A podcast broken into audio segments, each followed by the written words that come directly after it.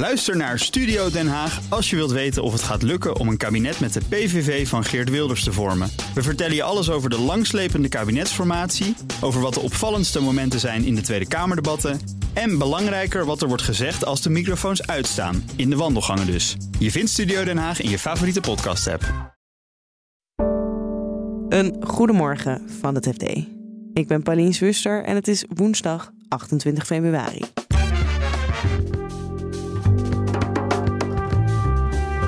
Pieter Omzicht wil een extra parlementair kabinet. Maar de rest niet. Dus nee, volgens mij zijn we een beetje in een padstelling beland. De melkvolumes gaan afnemen en dat kan ervoor zorgen dat we andere producten gaan exporteren. Minder boter, lagere marges namelijk. En meer kaas, babypoeder, andere ingrediënten, bijvoorbeeld in je proteïne shake. En scholen vinden dat ze te veel tijdelijk geld krijgen en dat zorgt voor een groter lerarentekort. Met al die losse subsidies kunnen we die mensen dus niet vast aannemen en dan wordt het dus moeilijker om een goed werkgever te zijn. Dit is de dagkoers van het FD. De afgelopen dagen heeft informateur Kim Putters 14 fractievoorzitters gesproken over de impasse in de kabinetsformatie. Deze ochtend gaat hij bekendmaken wat zijn vervolgstappen zijn. Omzicht wil de impasse doorbreken door te kijken naar een extra parlementair kabinet.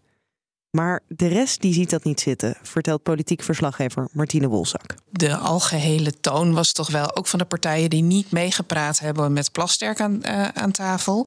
Van ja, deze vier partijen, VVD, PVV, NSC en BBB, ja, die moeten er toch maar met elkaar proberen uit te komen. En dat extra parlementair kabinet, nou bijvoorbeeld Harry Bontebal van het CDA, ja, die zei dat soort exotische varianten, als een extra parlementair kabinet, daar moet je pas over gaan praten als je zo'n meerderheidskabinet echt heel goed uitgezocht hebt en heel duidelijk hebt geconcludeerd dat dat niet haalbaar is. Nou, hij vond dat dat door Plasterk toch niet duidelijk genoeg is vastgesteld. Kan je misschien over van mening verschillen. En dat als die variant niet werkt, nou, dan moet je ook maar andere meerderheidskabinetten gaan onderzoeken, want er zijn ook andere combinaties mogelijk. Bijvoorbeeld met GroenLinks PvdA. En als je dat gedaan hebt, kan je nog naar minderheidskabinetten kijken. En als dat nou ook allemaal niet gewerkt heeft, ga dan maar eens naar een extra parlementair kabinet. En dat is eigenlijk het geluid wat je de hele tijd hoort. Dat ze zeggen: ja, nou, ik ben niet mordicus tegen, maar het ligt op dit moment totaal niet voor de hand. Maar ligt het dan wel voor de hand om eigenlijk nou ja, over te doen wat al gebeurd is? Ja, ik kan me daar zelf heel weinig bij voorstellen. Want ja, je kan wel zeggen, ik begrijp het wel hoor, van de, van de andere partijen, zoals een D66 of een SP of nou ja, het CDA wat we net noemden, en ook GroenLinks PvdA, dat die zeggen, ja, jullie hebben de verkiezingen gewonnen. En jullie hebben grote beloftes gedaan in de campagne. Ga het nou maar doen met z'n vieren. Maar NSC is heel duidelijk geweest dat zij niet met de PVV in één kabinet willen. Niet in een minderheidsvariant en niet in een meerderheidsvariant. Gedogen, nou zijn ze heel onduidelijk over of ze dat willen of niet. En extra parlementair willen ze eigenlijk ook niet in deze combinatie. Want dan is het eigenlijk gewoon een meerderheidskabinet, maar je geeft het een andere naam. En dat is wat de VVD geprobeerd heeft. Die dan wel vanuit hun gedoogpositie die ze eerst innamen, bereid waren te komen. Naar oké, dan maar extra parlementair. Maar dat komt in de praktijk eigenlijk neer op. Ja, als je vier partijen hebt die zich committeren aan een kabinet en bewindspersonen leveren. Wat is dan het verschil met een meerderheidskabinet? Dus nee, volgens mij zijn we een beetje in een padstelling beland. Want omzicht wil nog steeds niet. Nou, die is de enige die niet heel duidelijk gezegd heeft wat hij ingebracht heeft bij uh, de formateur. Of de informateur moet ik zeggen. Want hij zei, ja, dat wil ik niet via de media hè, vertellen, wat ik daar gezegd heb. Terwijl de rest nou, uitgebreid daarover gepraat heeft. In ieder geval over wat zij zelf gezegd hebben. En ook eh, een nieuwe brief naar de informateur. Ook vaak online gezet. Dus je kunt het zelf nalezen als je dat wilt. En hij heeft dat niet gedaan. Dus ja, 100% eh, zeker weten doe ik dat dus niet. Maar ik ben ook afgelopen week bij zo'n ledenbijeenkomst geweest van Nieuw Sociaal Contract.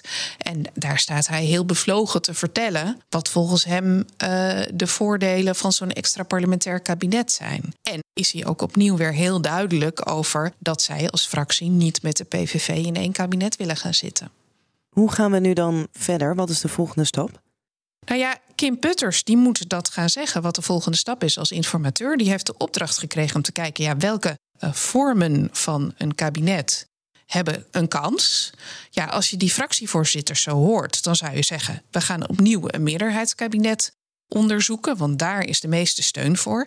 Ook uh, de PVV en de BBB benadrukken dat. Die willen die weg op. Ja, als je heel praktisch op gaat tellen en aftrekken, zou je ook kunnen zeggen: misschien toch maar zo'n extra parlementair kabinet proberen een kans te geven. Want dat is dan misschien de B-optie. Uh, maar de A-optie, ja, uh, belangrijke hoofdrolspelers willen daar echt niet aan meedoen. Hij heeft een week de tijd genomen in het voorjaarsreces om met allemaal wetenschappers te spreken en academici, met oud-politici over ja, wat voor varianten van kabinetten kan je nou eigenlijk bedenken en wat zijn de voorwaarden daarvoor. Hij is ook met een aantal voorwaarden gekomen. Je moet het in ieder geval eens zijn over een financieel kader, over de grondrechten, over de rechtsstatelijkheid en de rechtsstaat en over de internationale positie van Nederland. Nou, dat internationale positie is een keurige manier, manier op dit moment om te zeggen: je moet het eens zijn over wat doen we met Oekraïne. Nou, daar heeft Geert Wilders wel een draai gemaakt, want hij zou nu bereid zijn te praten over uh, hulp aan Oekraïne. Maar tegelijkertijd stemt in uh, de Eerste Kamer de PVV dinsdag tegen nieuwe militaire steun aan Oekraïne. Dus ik ben heel benieuwd. En dan iets dat je vast hebt gemerkt in de supermarkt. Kaas is duur. En dat komt niet alleen door de hoge inflatie, maar ook omdat de melkvolumes de komende jaren af gaan nemen. Wat dat betekent voor de toekomst van onze zuivelsector hoor je zo van landbouwredacteur Marijn Blankenstein. Maar eerst, hoe komt het? Dat komt eigenlijk door een combinatie aan dingen. Dus je hebt aan de ene kant heb je de melkveesector heb je uh, bij veel bedrijven. Melkveehouders zijn relatief oud en hebben relatief weinig familie of andere mensen die het bedrijf willen overnemen. Uh, we hebben natuurlijk de opkoopregelingen van het Rijk om de stikstofuitstoot naar beneden te krijgen. Dan uh, hebben we nog eigenlijk dat het sowieso wel een sector is met lage marges al jaren. Dat kan sommige bedrijven in financiële problemen brengen. En uh, daarbij komt ook nog Europees natuur- en klimaatbeleid, wat de kosten voor productie van melk nogal zullen opstuwen de komende jaren. Het aanbod gaat omlaag, maar de vraag gaat wel omhoog. Waar, waar komt die vraag voornamelijk vandaan? Ja, dus in Europa zal de vraag ook toenemen door lichte bevolkingsgroei en uh, vooral naar meer kaas uh, als wat meer luxe product. En wereldwijd zal die ook toenemen. En dan moet je vooral denken aan ja, groeiende economieën Pakistan, Nigeria, waar mensen gewoon meer te besteden krijgen, waar de middenklasse groeit. En dan groeit ook de vraag naar zuivel. De experts die jij sprak, die zeiden ook dat er een strijd om melk gaande is en uh, gaat zijn. Waar zit hem dat dan in? Waar wordt om gestreden? Ja, dus die strijd gaat vooral om uh, de, de liters die er nog wel geproduceerd worden. Dus je wil niet dat jij te veel verwerkingscapaciteit hebt en dat jij fabrieken moet sluiten. Dus de Friesland Campina's van deze wereld proberen zoveel mogelijk boeren aan hen te binden en te houden. Die grotere concurrentie om de liters melk die er wel zijn, is dat dan alleen maar negatief of levert dat ook positieve effecten op? Nou, de analist die ik sprak, die zei het is eigenlijk ook wel een kans. Want uh, hogere prijzen in de melk betekent ook meer geld voor de boer. En nou, meer marges in een markt die eigenlijk al heel erg lang juist hele krappe marges heeft. Zou kunnen betekenen dat zij weer meer investeringen kunnen doen in uh, milieumaatregelen of uh, klimaatneutraler boeren. Dus ja, het, het is ook een kans. En hoe ziet dan de toekomst voor, nou ja, laten we zeggen, onze zuivelindustrie eruit?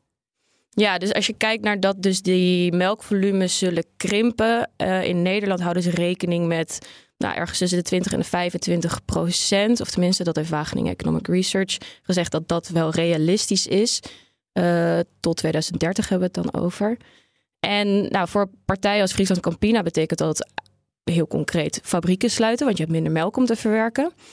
En uh, Europa breed is het de vraag wat het precies gaat betekenen. Maar het zou aan de ene kant kunnen betekenen dat we netto importeur worden uh, van, als dus de hele Europese uh, volumes krimpen, dat we netto importeur worden van zuivel. maar het kan ook betekenen dat we vooral nog wel exporteren, maar gewoon totaal andere dingen exporteren. Of veel meer van wat we nu ook al exporteren. Dus minder boter, lagere marges namelijk. En meer kaas, babypoeder, uh, andere ingrediënten, bijvoorbeeld in je proteïne shake, dat je meer dat soort hoge marge producten, dat je daarop inzet. En dat we dan eigenlijk de bulkproducten die we wel willen eten, de drinkmelk en de boter, dat we die importeren. En tot slot het lerarentekort, waar de Tweede Kamer het vandaag over heeft. Uit onderzoek in opdracht van schoolbestuurders blijkt dat het aantal tijdelijke subsidies toeneemt en de structurele financiering iets afneemt. Als die subsidieconfetti, zoals de scholen het noemen, wordt opgelost, kunnen ze, denken ze, ook meer leraren aantrekken. Onderwijsredacteur Ardy Vleugels vertelt wat er inmiddels allemaal wordt geregeld via subsidies. Echt van alles. Er is enorm veel waar je als school subsidie voor kan aanvragen of waar je vanuit het Rijk subsidie voor krijgt. Bijvoorbeeld eh, na corona hadden veel kinderen achterstanden. Dan is het tijdelijk geld voor een bepaalde periode om te kijken of je die achterstanden kan wegwerken. Maar je kunt bijvoorbeeld ook denken aan andersoortige achterstanden, maar ook burgerschaplessen bijvoorbeeld. Hoe kom je in aanmerking eh, voor die subsidies? Kan elke school dat krijgen? Nou, dat ligt er dus aan. Als het gaat om subsidies die je zelf moet aanvragen, dan komen die vaak met een hele lijst met eisen waar je dan aan moet voldoen. De ene school voldoet er wel aan, de andere niet. En zo is dan ook het idee dat het geld komt op die scholen die het het hardst nodig hebben, waar het echt zin heeft. Maar wat je dus ziet, en dat uh, blijkt ook uit dit onderzoek, is dat er steeds meer geld naar alle scholen gaat als een subsidie met een bepaalde politieke wens. Dan heb je dus een soort algemene oplossing voor iedereen die niet overal even bruikbaar is. En die scholen moeten daar wel specifiek weer verantwoording over afleggen. Dus die moeten wel van allerlei formulieren en zo invullen van nou dit heb ik ermee gedaan en dat kost ze gewoon heel veel administratie. Wat voor grote effecten zien de scholen met dat die financiering nou ja, steeds meer een beetje aan het verschuiven is naar incidenteel en niet structureel? Ja, het grootste punt wat zij maken is dat het best wel moeilijk is om lange termijn plannen te maken als je telkens voor heel even geld hebt. Dan kun je niet bijvoorbeeld personeel eh, vasthouden, want na een tijdje als dat geld op is, kan je die mensen niet meer betalen. En een ander punt is nog dat vaak als je het aanvraagt, zo'n subsidie, dan weet je nog niet of je het krijgt. Maar je moet wel al plannen gaan maken. Dus je gaat eigenlijk al eh, geld uitgeven en vooruitkijken voordat je weet dat je het geld krijgt. En dat is ook best wel ingewikkeld voor die scholen. Je zou ook kunnen zeggen, als de politiek iets ziet in het onderwijs, dan moeten ze ook wel een beetje kunnen sturen. Dat heeft zo'n effect, kan zo'n subsidie dan ook hebben. Ja, dat kan. En heel specifiek zijn scholen daar volgens mij ook niet op tegen. Dus als er een heel specifiek doel is, wat echt voor bepaalde scholen geldt en voor andere weer niet, dan denk ik dat ze niet tegen subsidie aan zich zijn. Maar wat ze vooral aangeven, is dat ze zeggen: we zien steeds meer geld als incidenteel geld naar die scholen gaan. En dat is telkens op basis van een bepaalde politieke wens. Dus een Kamerlid bedenkt dat iets belangrijk is, dan komt daar geld voor en dan moeten scholen daar iets mee gaan doen. Maar dat past vaak niet bij de praktijk die in de scholen al heerst. Dat is misschien niet wat zij zelf nodig hebben of waar zij denken dat het onderwijs beter van wordt. En daarvan zeggen scholen, ja, daar zouden we graag wat minder van willen hebben, want de politiek hoeft niet in de klas te staan en te vertellen wat we moeten doen. Die moeten eisen stellen en wij gaan dan ons best doen op de manier die past bij onze school om daar iets goeds van te maken. En is het haalbaar dat er weer een beweging komt richting meer structurele financiering? Ja, dat is altijd een politieke vraag. En in de politiek is het best wel lastig, omdat het voordeel van zo'n korte subsidie is dat je er een oormerk aan kan geven. Dus je kunt zeggen, dit geld is echt daarvoor bedoeld. En scholen krijgen voor de rest een structurele financiering in een één grote pot geld en mogen zelf bepalen wat ze dan gaan doen. En het verleden heeft ook wel uitgewezen dat dat geld dan niet altijd op die plek terechtkomt die de politiek had bedacht. Dus het is best wel logisch dat ze meer geld willen oormerken, omdat ze dan meer controle denken te hebben op hoe dat dan gaat met dat geld en of het ook echt komt op de plek waar ze het willen hebben.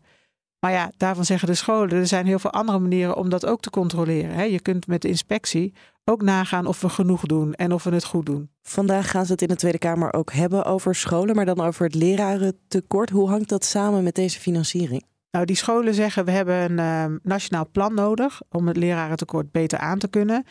En onderdeel daarvan uh, is dat ze ook een aantrekkelijker werkgever willen zijn. En daar zijn weer bijvoorbeeld vaste contracten voor nodig. En is er ruimte nodig om te doen waarvan zij denken dat de school een goede werkplek is. En zij zeggen ja, met al die losse subsidies kunnen we die mensen dus niet vast aannemen. En dan wordt het dus moeilijker om een goed werkgever te zijn. Dit was de dagkoers van het FD. Morgenochtend zijn we er weer. Als je je abonneert op dagkoers in je podcast hebt, dan krijg je de nieuwste aflevering automatisch binnen. Voor nu nog een hele fijne dag en graag tot morgen. Ook Diana Matroos vind je in de BNR-app. Ja, inderdaad. Je kunt live naar mij luisteren tijdens de Big Five. Ook handig in de BNR-app. Breaking nieuwsmeldingen, maar ook het allerlaatste zakelijke nieuws. En je vindt in de app alle BNR-podcasts, waaronder Wetenschap Vandaag. Download nu de gratis BNR-app en blijf scherp.